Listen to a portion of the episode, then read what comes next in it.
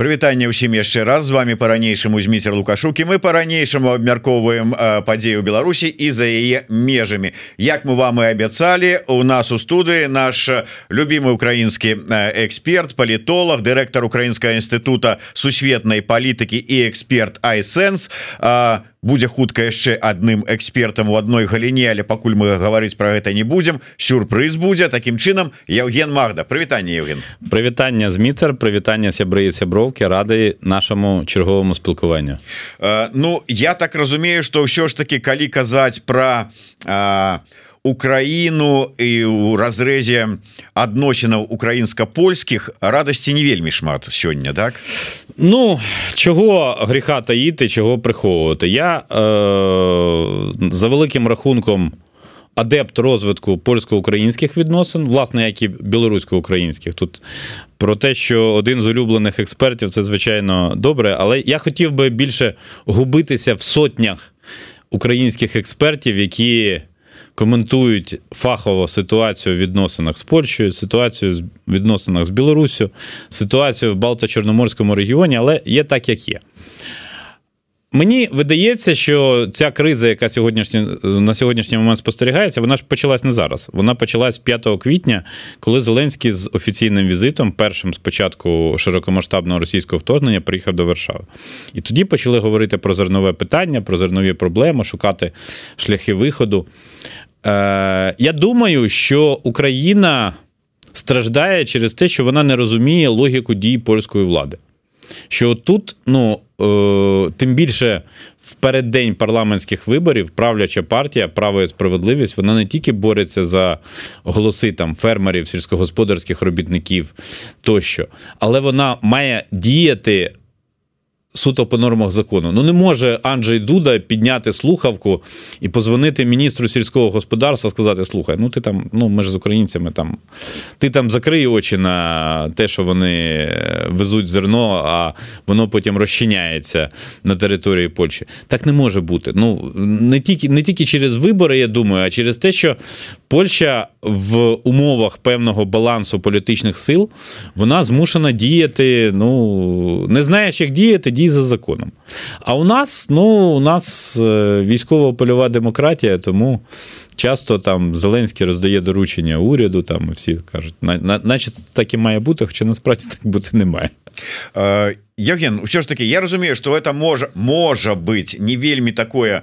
Е, у беларускім накірунку увогуле тэма але а, тому что все можа быть у выніку звязаная я чытаў сёння раніцай рыхтуючыся да ну сочыся за падзеямі і каментар з гэтай нагоды і таго ж самага ігора тышкевича і а, бачыў каментар арестовича і а, бачыў каментары іншых экспертаў у якіх ты так асабліва там не подлюбліваешь скажем так. Але яны ўсе кажуць что у дадзенай сітуацыі Украіна не вельмі добра там абазнана сябе паводзіць закидываючы зернем. Ці там трейдеры неяк вот ці ім вот неяк вот ідзе насустрач а яны падманам нейкія дзеянні там махлююць вот сапраўды ёсць нейкая Праўда что можно сказать что это Польша тут на выборы хутка яны там на фоне этих выбораў нейкія такія дзеянні робяць а э, Украіна тут ну как бы не асабліва прычым що ж таки хто вінаваты Я тут процитую радянську класику цього е, героя 12 стільців Монтюра Мечникова який казав, що согласие є продукт повного непротивлення сторон. Я не вірю, що хоч один зерновоз перетнув польсько-український кордон, і якби було ну е, і не було перспективи збуту, що він би просто заїхав і їхав би кудись. Тобто є інтересанти з одного боку і з іншого. І в Польщі вже пішли публікації про те, що зерно в Україні належить олігархам. Ну там ну дійсно ну дійсно є у холдингів. Так ну так я більше я більше скажу, що е, власне і е, ті е, агротрейдери, які торгують українським зерном, вони в масі своїй не українські, є швейцарські, є різноманітні. Ну тільки російських, я сподіваюся, немає у всякому випадку напряму, тому що вони ж нашим зерном не торгують, вони його просто крадуть на півдні України. України. Це теж треба розуміти. Просто е, є певна політична культура. І це питання треба треба було вирішувати е, на іншому рівні. Я не вп... От я знаю, що цього тижня е, буквально завтра чи післязавтра стартують в Яремчі традиційні польсько-українські зустрічі, на яких збираються науковці, е, небайдужі до польсько-українських відносин люди, і вони е, під патронатом е, колегіуму Європи Сходньої Варшавського університету, фонду Вольність і демократія і Прикарпатського національного університету імені Стефаника обговорюють там низку проблем. От якби туди приїхали. Ну я не знаю. Е, тут тут ще проблема в тому, що у польського амбасадора Барташа Цехоцького закінчується термін перебування. А ну, приїхав би Цехоцький і посол України Василь Зварич. Я думаю, що це був би сильний крок. І вони б могли там обговорити, ну, про, про щось говорити, шукати спільну мову. Якщо ми будемо просто обмінюватись гострими випадами, то Україна буде в менш е, вигідній ситуації. Поясню, чому у Польщі більше досвіду. Польща пройшла шлях європейської євроатлантичної інтеграції. Вона пройшла шлях переговорів про квоти, про те, що їй треба захищати свої інтереси, і знову таки це накладається на вибор. Ну чому у нас не сказали, е, ні в кого не виникло питання, що добре, ми зараз бачимо, що у вас е, ситуація виборів, ви не можете визначитись. Зрештою, влада може елементарно змінитись на виборах, як, як воно і має бути. То а і спитати, поставити публічне питання: а після 15 жовтня що? Ви пустите наше зерно? Чи нам треба зараз вже починати будувати е, якийсь флот? Е, Ну, а будувати нема де, тому що на верфі ну, зрозуміло, що будь-який великий корабель це мішень. Зараз в нинішніх умовах. Тобто будувати флот, який зможе перевозити е, відповідно зерно. Тобто, це це речі, е, ну, плюс треба говорити. Ну, коли Володимир Зеленський з трибуни Генеральної асамблеї ООН каже, що деякі наші європейські партнери, друзі, діють так, наче вони хочуть, е, що це прелюдія для вихід, виходу російського гравця на сцену, то це ну, така каменюка величезна в город конкретно партії Право і справедливість, яка зараз свою виборчу кампанію будує на тому, що вона така антиросійська, що далі просто нема куди дівати. І очікувати, що в цій ситуації Анджей Дуда скаже: ну нічого, ну. ну Буває, з ким не буває. Ну Тут е, іде лексична дискусія про те, що мав на увазі Дуда про потопельника. Ну, я нагадаю нашим слухачам, що справді є така порада, що коли людина тоне і в неї ну, відключаються мізки, і починає, ну, в тому числі і через брак кисню, до речі, і вона починає хапатися за все, вона може і рятівника свого притопити теж. Тому бувають поради, що в такій ситуації краще е, людину навіть оглушити, але не на дно відправити, а витягнути все-таки до човна чи до берега, як вже буде виходити. І Польща ж нас штовхає і до берега, і до човна. І не перший місяць штовхає. Про це теж треба говорити відверто. Е, яким чином можна трохи приглушити, каб е, витягнути хай безпритомного, але все ж таки вартувати?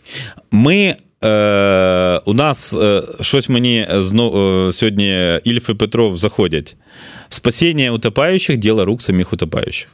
Україні насамперед допомагає Україна. І війну веде насамперед Україна.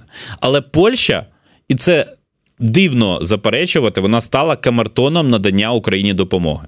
У нас от цифра, яку я бачив в Україні е, пару тижнів тому, що Польща надала допомоги на 7 мільярдів євро. Це великий шмат грошей. Ну е, я розумію, що десь там е, це якісь е, європейські гроші, там загальні гроші. Але що перед виборами не було на що гроші витратити? Ну так, чесно, я думаю, було. І е, знов таки, е, і тут і інше про інше треба говорити, що є інтерес власне е, Польщі в тому, щоб Україна трималася. Бо там дуже добре прорахували, що якщо Україна не буде триматися, то загроза нависне над Польщею. Це ж очевидний факт. Евген я разумею что да ўлады э, разам з зеленскім прыйшлі э, новыя людзі ці як кажучы просто палітычныя неафіты але час прайшоў і е, такое нават адчуванне ёсць что як-то любіць у нас у беларускай пазіцыі казаць агентуры і маргінез там сабраліся на банкавай якія адмыслова шкодзяць подказваюць каб псаваліся адносіны з Польшчай з Китаем з імі яшчэ невядома з кім. Я бачу що візит Павла Усова не минув дарма. Відповідна лексика з'явилась. Е, що сказати? Е, я ж не тільки політичний експерт, я викладач.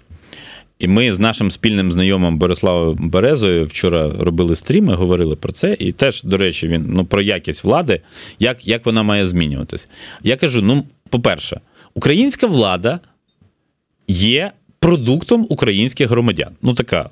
Так, от вичавлено все, да? ну але це українські громадян. Ну е, вони ж обрані на демократичних виборах. Нагадую.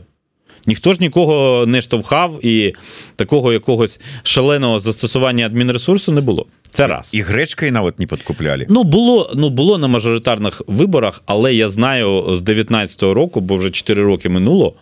Я знаю чимало випадків, коли люди мажоритарні округи засіювали чим завгодно, ледь не сусальним золотом вкладали. А у людини був бренд Слуга народу, е, соратник Володимира Зеленського, і людина граючи вигравала, ну так, як то кажуть, футболісти в одні ворота. Це раз. Друге, влада має вчитися тому, що вона змінна, плинна. От з власного досвіду спілкування з українськими депутатами-урядовцями питаєш: а що у тебе буде, коли закінчаться твої повноваження? Ну там не твої, ваші і порожнеча. Тобто людина не уявляє. Ну от в Польщі уявляють собі люди, що з ними буде, коли коли вони перестануть бути дипломатами, міністрами, парламентарями. Уявляють, вони повертаються до, ну так би мовити, до мирного життя в суспільстві. В Україні ну таке враження, що це якийсь шок. Шок і трепет. І третє, можна владу ненавидіти, можна владу зневажати.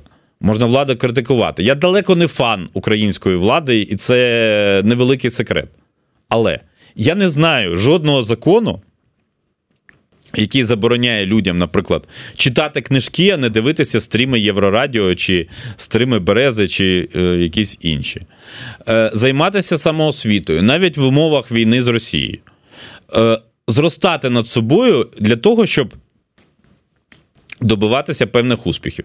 Я чесно скажу, влада, будь-яка влада в Україні, незалежно від персоналі, вона не зацікавлена в розумних громадянах, тому що вони будуть змінювати стандарти здійснення цієї влади. Це факт.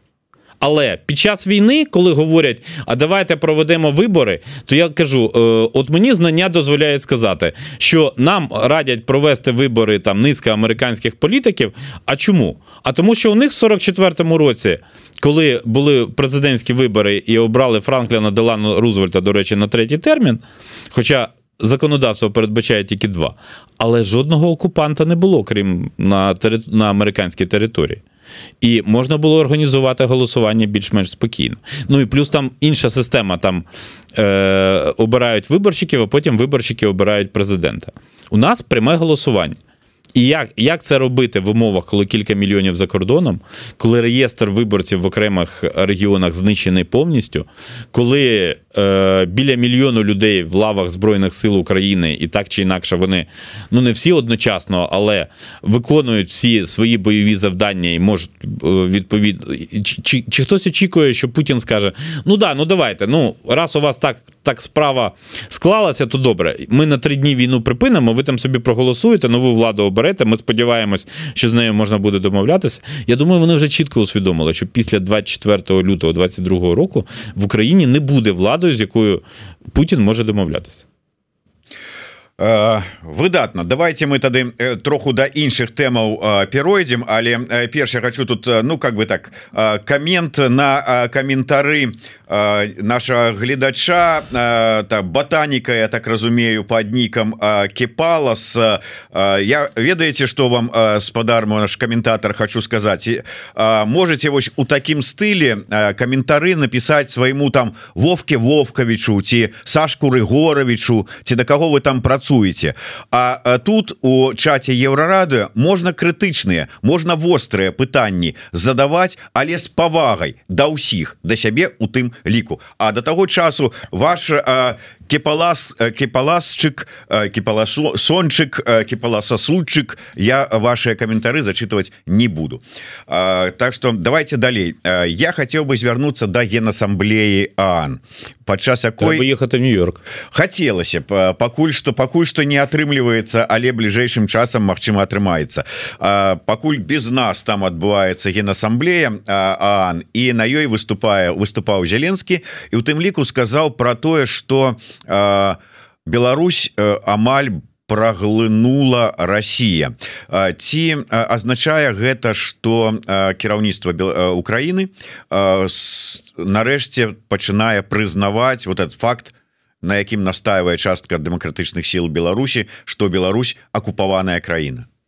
Не я не я не думаю так по-перше, це прозвучало в низці. Ну, це це було в абзаці виступу Володимира Зеленського, де він говорив про різні речі, і е, були відповідні е, моменти там звучали. Тобто і про Грузію, Молдову, і про інші ну, інші країни нашого регіону. Тобто, не було не, не, не, про, не проходить біло-червоно-білою ниткою Білорусь в виступі Володимира Зеленського.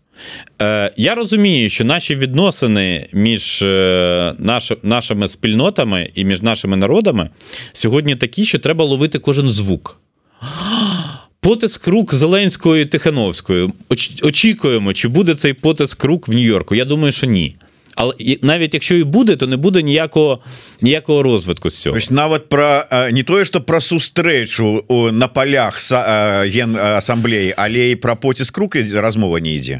Е, Ну, я думаю, що якщо вони е, зустрінуться в коридорах Генеральної асамблеї, то все буде залежати від темпу руху обох політиків. Я не бачу, ну я не бачу, що Володимир Зеленський Світлана Тихановська вони такі е, повні антагоністи в усьому. Ні. Такого, ну мені здається, такого нема. Але у нас на сьогоднішній момент в парламенті зареєстровано дві постанови, і одна як виключає іншу. Тобто, один проект постанови про те, що е, Білорусь є окупованою, інший про те, що Білорусь є країною співагресором. Логіка є у авторів однієї і в авторів іншої. Але ця ситуація такої шизофренії, тобто роздвоєння, вона вже триває кілька місяців. За цей час провести слухання і поговорити, запросити експертів. ну, Кого я люблю, кого не люблю, кого хочете. Ну, я ж не наполягаю, щоб запрошували мене. Ну я ж все-таки не єдиний, хто коментує ситуацію в українсько-білоруських відносинах, насправді. Тому. Запросіть, поговоріть, запросіть РНБО, запросіть прикордонників, запросіть Міноборони, запросіть Мінекономіки, щоб ну, сказали, як у нас зникла торгівля фактично з Білорусю. Запросіть. І давайте, ну, давайте, давайте говорити, давайте функціонувати. Ну, давайте ухвалювати рішення. Ну, тобто, я противник того, щоб визнавати Білорусь співагресором.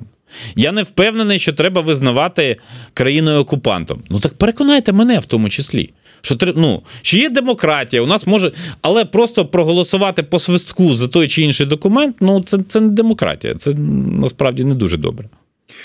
Я разумею але тым не менш можа быть вось гэтая троху змена рыторыкі. Яна можа как бы там змяніць стаўленне адносіны с аднаго боку с да лукашэнкі зрабіць яшчэ іх больш жорсткімі а з другого боку ну ўсё ж таки можа быть зблізіць пазіцыі з дэмакратычнымі сіламі. Я вважаю що треба зробити дві речі. Перша Офіційно, ну і це в принципі дипломатичною мовою вже сказано, але далеко не всі громадяни розуміють дипломатичну мову. Відсутність на сьогоднішній момент, тобто офіційно звільнено Ігоря Кизима з посади посла, це означає, що більше не буде ніяких діалогів.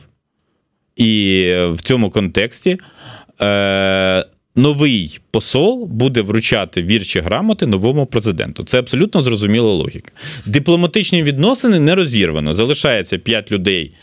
Е, громадян України в білоруському посольстві, українських дипломатів. Я думаю, їм працюється важко, але зараз, наскільки я знаю, про це говорив речник прикордонної служби, перекрито всі прикордонні переходи, всі абсолютно. І е, тому е, немає нічого. Але треба. Я б на місці української влади, якби владою був я, не дай Боже, я б сказав, що у нас реально існує Лукашенко, колишній наш партнер в наших відносинах, ну так буває. І є білоруські демократичні сили. Давайте ми будемо з ними говорити. Як там полк е, Калиновського скликає конференцію? Ну до мяне доходят чутки что склікае но как бы что там з полком адбываецца до мене до мене доходять чутки що полк е, перебуває в процесі ну скажімо так переформатування. І е, в ньому будуть, ну так би мовити, більш е, більший акцент на бойові завдання, і це буде суттєво впливати на, на, на його діяльність і на, я б сказав, на політичну активність білоруських добровольців теж. Мається на увазі, що вона буде зменшатися. Ну, э, мені видається, ну, калі... що, що або воювати, або політикою займатися. У людей просто будуть інші завдання, які мені треба буде вирішувати. Я разумею что Евген Магда не украинская ўлада что можа быть і шкада але пытанне просто ваше бачанне. Вось пытанне от вожыка патрыота зараз ідзе праца по новым пашпарце Беларусі. А ва Украіне таксама беларусы будуць без пашпартоў. Ці Мачыма что такі документ будзе прызнаны Украінай Е, якщо я не помиляюсь, людина з ніком Вожик Патріот уважно стежить за мною, навіть зауважив, що я десь був в ефірі у пані Васильєвої, яка міновіта. Було таке. Не не буду брехати, що такого не було. Було. Але давно. І на тему, здається, ядерної зброї в Білорусі, яка мені видавалася актуальною. Але я зараз не про це. Е, Я відкрию, ну не знаю, секрет, не секрет. 24 серпня е, приїжджав Валерій Ковалевський, Геннадій Манько, і була зустріч в українській призмі з експертами, з представниками білоруської діаспори. Говорили в тому числі про новий паспорт. Я сказав, що я особисто, от я, я виступаю за те, щоб, наприклад, Україна була серед перших, хто визнає паспорт нової Білорусі. А що ми втрачаємо? Білоруське посольство, ну, не приміщення, а територія заростає травою. Ну, туди ж ми... ніхто не може зайти через Віденську конвенцію міжнародні зносини. Ну, силою туди теж ніхто не зайде. Ми он з Дмитром Щегельським е, якраз після цього заходу там сфотографувалися поряд поряд з нею. Тому е, а якби б визнала Україна, а до України через російсько-українську війну, через усвідомлення те, що ми зараз переживаємо непростий період, все-таки в світі прислухаються більше зараз. Ну так, чесно. То може б е, мало б сенс це зробити. Але очікувати цього від української влади я не можу. Тобто, я, як громадянин України, вважаю, що це був би сильний крок. Але відповідати за українську владу я не можу. Что можно зрабіць э, давайте вот можно конечно там казаць про э, неафітаў ва украінскай палітыцы э, можно казаць там про помылки але все ж таки до да, того что кажуць зеленскі іншыя палітыкі Украины прислухоўваюцца во всім свете. І калі б напрыклад Украина прызнала і это прогучала то гэта было мела б вялікае значэнне і для дэмакратычных сил у Беларусі для пашпарта Беларусі і для беларусаў что можна зрабіць? Хто можа что зрабіць? Якім чынам вот вам бачыцца гэтую ідэю можна ну неяк так на банкавай на банкавую упрыгожай упакоўцы прадаць каб яны там і ўзялі? Люди які представляють білоруські демократичні сили мають одну традицію. Коли вони приїжджають до Києва вони намагаються потрапити до Михайла Подоляка і з ним сфотографуватися От я їм дозволю собі порадити, хоча зазвичай я не, не, не вчу білорусів життю, а просто раджу, як комунікувати. Я б порадив привезти подаляку, показати паспорт нової Білорусі, як він виглядає, чому він має бути саме не таким, а не іншим, і розповісти, які вигоди отримає Україна. Ну, Подоляк у нас же виходить зараз головний по білоруському напряму, не тільки по білоруському, він у нас за все головне, за все відповідальний, як там е, російською, ответственний по страні. Так от, е- і переконувати його. Так само, до речі, треба інші країни Люблінського трикутника. От призначили Артура Міхальського. Е, представником по зв'язках з білоруськими демократичними силами, так випишіть йому паспорт нової Білорусі. паспорт нової Білорусі. А чому ні? Ну, узгодивши попередньо. Чи міністр закордонних справ Литви Лансбергіс він займає активну позицію? Активно. Випишіть йому паспорт. Що тут поганого? Ну, мають бути саме, ну, мають е, цю тему рухати якісь. Ну, скажіть, є країни Люблінського трикутника, з, яку, з якими ми межуємо. Ну, там є ще Латвія і Естонія. Росію, ясно, ніхто кликати в це не буде. Ми зацікавлені в тому, щоб цим займатися. Я знаю, на початку жовтня буде саміт того, що називають Люблінська четвірка. Ну, тобто Білорусь, е, Україна, Литва і Польща е, буде вільні проходити, і там буде розмова ну, різна. Тому е, там буде і Світлана Тихановська. Чому б їй з такою ініціативою не виступити? Ну, тобто, почесний паспорт. Е, я розумію, що може бути загроза того, що він е, ну там десь буде сприйматися ну, як неповновісний. Але давайте говорити чесно, що в нинішній ситуації, коли існує влада в Білорусі і вона видає паспорти і вирішує, кому видавати, кому не видавати, то якраз об'єднаному перехідному кабінету треба трошки прискоритись. Бо коли е, це паспортне питання буде загострюватись, і люди без паспорта будуть себе менш впевнено ну, можна ж хоч тричі сказати, що не подобається герб на паспорті, правда? Але ж все одно його не можна викинути. Бо е, ми живемо в світі, який би він сучасний не був, де людина без паспорту, ну вона почуває себе себе дуже так дискомфортно. Так, де ти мій український? Е, до речі, це правди, я спадзяюся это вот такая спонтанная ідэя думка прыйшла прапанова зараз она яшчэ нідзе е, з падаром Магдай не агучвалася Я попередньо говорив, ну натякав про це. Мені е, мої білоруські колеги кажуть, ну що е, я я скажу звідки вона народилася. Кажуть, що мовляв, тобі за те, що ти білорусів захищаєш, в тому числі в Україні говориш про них, тобі мають виписати паспорт. Я кажу, буде ну, буде неправильно, якщо я скажу, випишіть Євгену Магді паспорт нової Білорусі. А то Може... ти здальок зайшов да, так. Ну, але ж, але ж логіка в цьому є.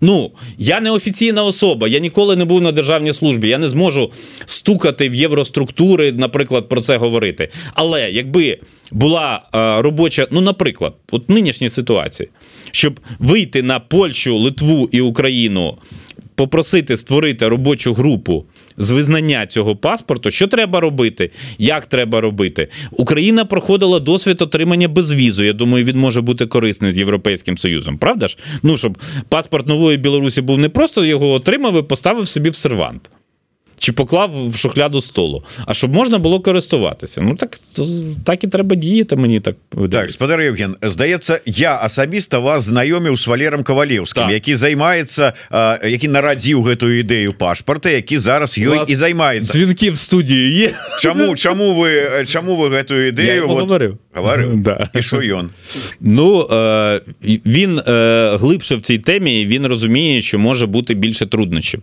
Тобто, він він ну Е, мій погляд, скажімо так, аматорсько-агітаційний, як як я собі бачу, як це інформаційно упаковувати. А він бачить і питання, ну я так розумію, кодів, тобто хто буде визнавати, хто яка країна дасть е, ну, свій інформаційний дах. Для для цього паспорту. Тому ну, це це складний. Тобто, а чому Україну в цьому не переконувати, щоб Україна давала код? Що це велика проблема? Чи ну е, буде загроза, що там багато е, колаборантів українських отримують паспорт нової Білорусі? Мені здається, що в складних питаннях треба завжди шукати асиметричні рішення. Я виступаю за це. Тобто, щоб е, бути, ну. Десь на крок попереду всього і шукати такі можливості. Ну что ж цікавая у любым выпадку ідэя як по мне. Я нават згодны пасунуцца там мне абяцалі чацвёрты по ліку пашпарт новой Беларусі. Я пасунуся пропушчу Магду і Артура спадара Артура з польска з польскага боку МЗС призначенага ось так Ні, у нас треба тоді Ігоря Кізима він же був послом України в Білорусі. Слухайте давайте это мы уже вырашым пасля ага, але, але у любым выпадку коле да? у любым выпадку Я думаю что мы гэтую тэму сёння я перадам гэтую ідэю франку вячорку які будзе у нас у эфиры 14 по варшаве 15 по мінску. Так что я думаю что будзе цікава гэта ўсё абмеркаваць а, Магда звычайна кажа слушна і абгрунтавана прыводзіць довады пра якія можна падумаць па, пачытаць. Толковы дядзька цікава слухаць у адрозненні ад падаляка і іншых таких каго шарахае туды-сюды. Реклама. Реклама. Рекламная пауза да. Дарэчы е, карыстаючыся момантам гаспадар ну, Евген заўсёды кажа ты калі будешь вот так вот рэкламаваць кажы не пра мой е, телеграм-канал які называется е, палітычны магдзяж уже переможны магді переможны магдзяж. А телеграм-канал буста беларуска-украінскі спастерыгач. Таму я раю усім подпісацца на абодва гэтых цікавых телеграм-канала каб сачыць за навінамі якія датычныя украінска-беларускіх адносінаў. Ну і не забывайте скоро в WhatsApp буде. Во бачыце ідзем у ногу з часам але не забывайцеся подписываться і на YouTube канал еўрарадыо так что яшчэ мы не абгаварылі давайте е, вы подказваеце спадар Евген Ну е, перспективи зустрічі Світлани Тихановської і Володимира Зеленського ми обговорили.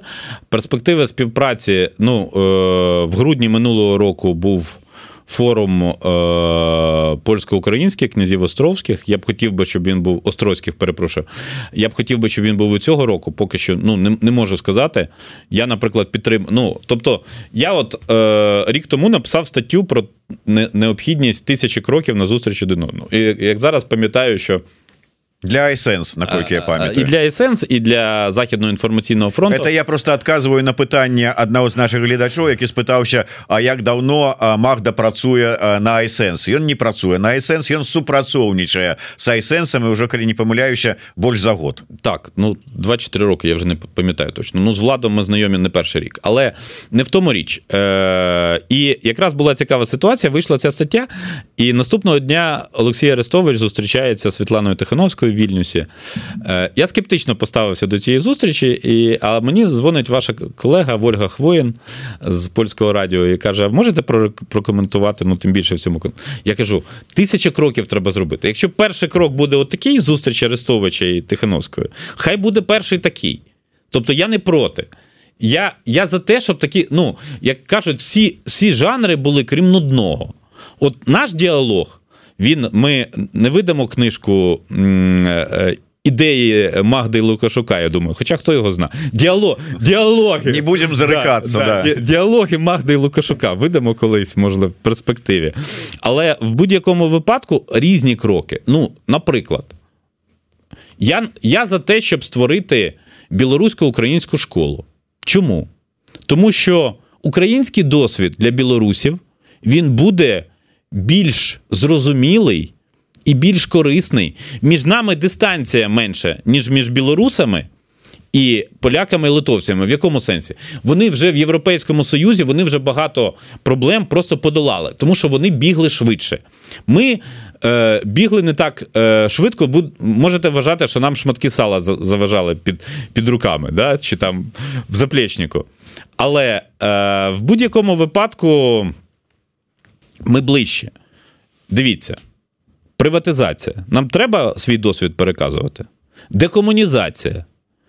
Як е, ті самі райвиконкоми перетворити на муніципалітети? У нас Ми, ми наприклад, перебираємо польський досвід е, місцевого самоврядування. Як це зробити?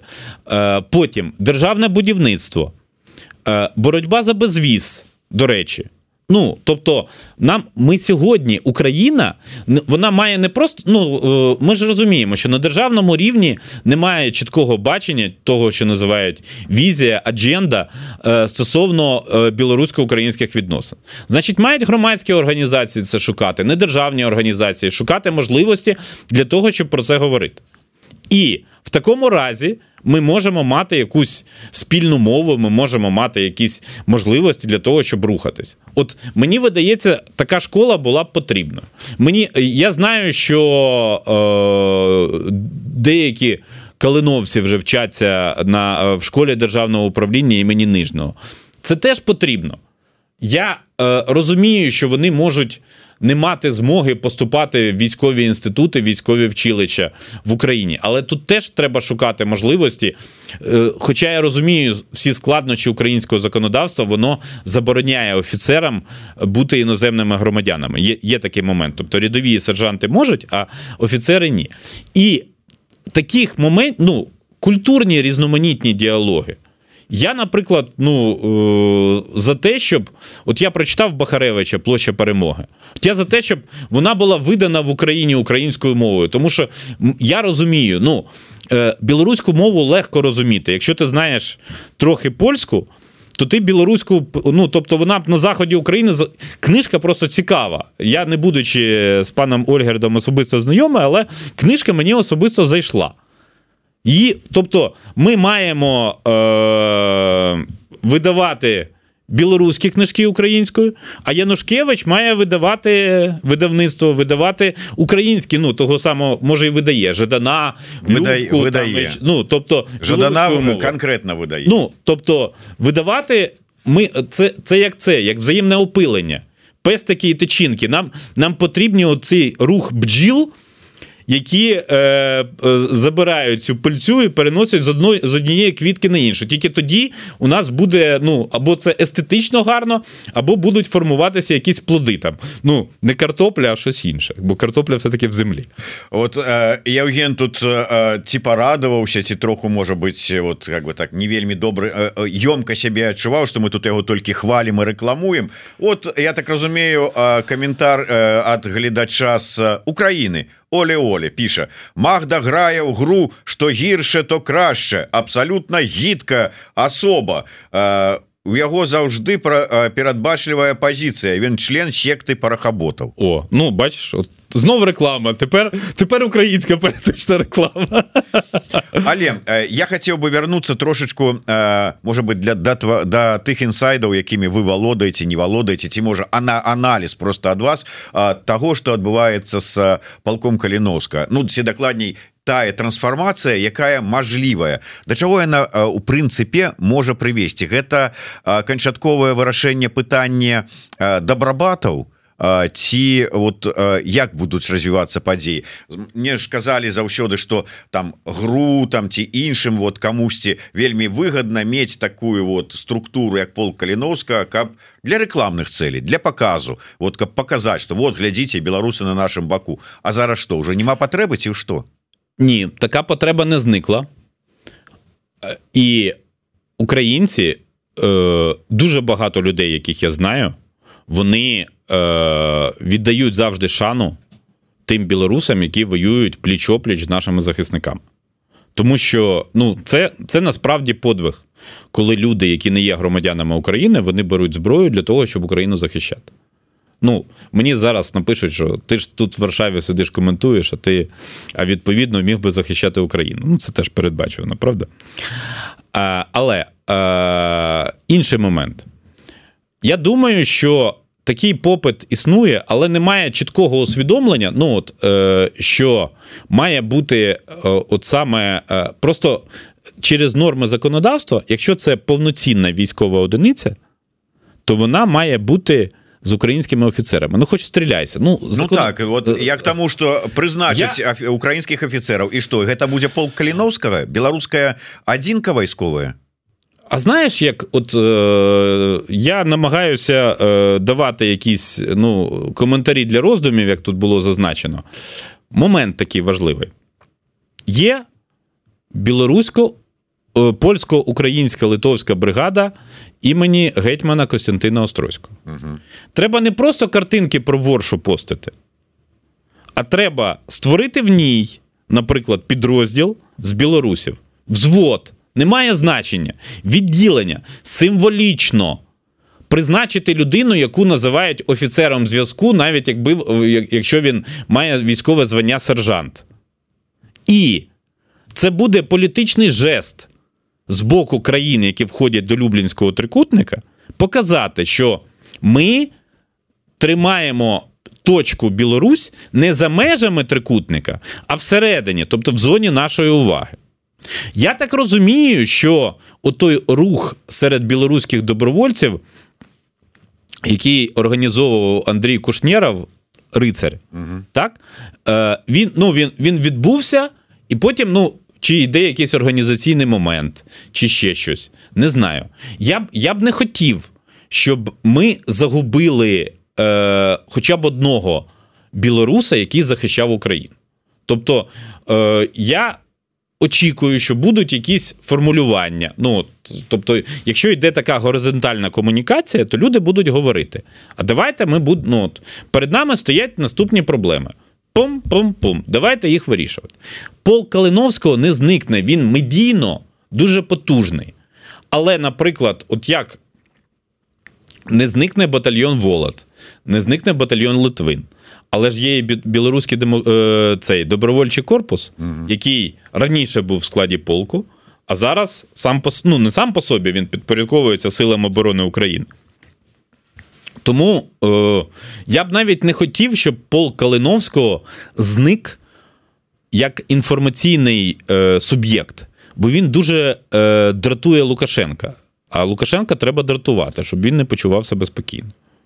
Ось дарэчы я цалкам згодны з тым что э, трэба нават можа быть у нейкіх іншых структурах а браць і ствараць там взводы отдел подраздзелы там ці як там назваць э, з беларуса вот ведаеш як мне тэлефануе э, украинская журналістка моя даўняя знаёмая і она кажа Зміцера ты ведаеш я вось зараз э, у прэс-службе другога інтэрнацыянальнага легіёна А ты ведаеш что у нас ёсць э, взвод э, беларусаў мінамётчыкаў не ведаю А я от збирав гроші на ну я і загинув ще один да, да. загинув вояк, загинув один беларус дарэчы под пазыўным вайсковым пазыўным Менск іншая інфармацыю я пакуль казаць не магу але вось сапраўды так. І вот гэта трэба такое такую можа быть пазіцыю і прытрымлівацца. На завяршэнне Евген зараз э, шмат кажуць про нібыта спробы кулуарныя под кілімныя такія лукашэнкаўцаў наладзіць нейкія ўсё ж такі размовы з захадам пакуль не атрымліваецца але ўсё можа быть. Шмат што будзе залежаць ад таго як далей будзе адбывацца вайсковыя дзеянні ва ўкраіне і раптам хтосьці штосьці захоча там з пэўных там меркаванняў там налажвання там стабільнасці ў рэгіёне там міра ўсяго астатняга що ж таки пайсці на сустрач лукашенко. Пазіцыя Украіны вот як яна будзе рэагаваць на гэтае ўсё як рэагуе может быть ужо сёння на гэтыя спробы наладзіць нейкія стасункі? Ну багато говорять Ну тобто багато конспірології що є є якісь там емісари там їздять там ще щось їздять. Може може їздять. Я не перетинався з е, мені е, доводилось спілкуватися з лукашенківськими дипломатами до 24 лютого 22 року. Це правда. Ну це моя робота як експерта спілкуватися з різними людьми. Але е, після того я не бачив. Тобто не знаю. Ну я повторюсь, я не я не є представником державних структур. Не може, може вони ну ця улюблена теза, що спецслужби між собою домовляються, а ви там собі далі далі робіть як хочете. Я так, я, я скажу про інше. Доки Путін залишається в Кремлі, ситуація в Білорусі навряд чи зміниться, бо там бачать білоруський балкон для того, щоб тиснути на захід. І там, і сюди і ядерна зброя лягає. До речі, крім Кирила Буданова, ніхто про неї не сказав, що вона точно є на території Білорусі. Ну так, довідомо. І вагнерівці, які та, тануть як як наші вороженьки, як роса на сонці, як в українському гімні. Їх вже менше тисячі людей, тобто військової загрози вони не створюють. а Криміногенну ситуацію вони в Білорусі не покращать. Тому ну, це теж такий подразник для Лукашенка, в тому числі. Але. Е, доки Путін в Кремлі, е, може бути тільки проросійський президент Білорусі. Але я скажу і інше. Що навіть після зміни ну, піс... відійшов Лукашенко кудись, ну просто зник. По-перше, великі шанси, що буде Лукашенко 2-0 Рус. Друге, навіть на демократичних виборах в Білорусі ні, ніхто не дасть гарантію, що буде обов'язково, е, ну, наприклад, Тихановська, чи не знаю, чи Латушка, чи ще хтось. Ніхто не дасть такої гарантії.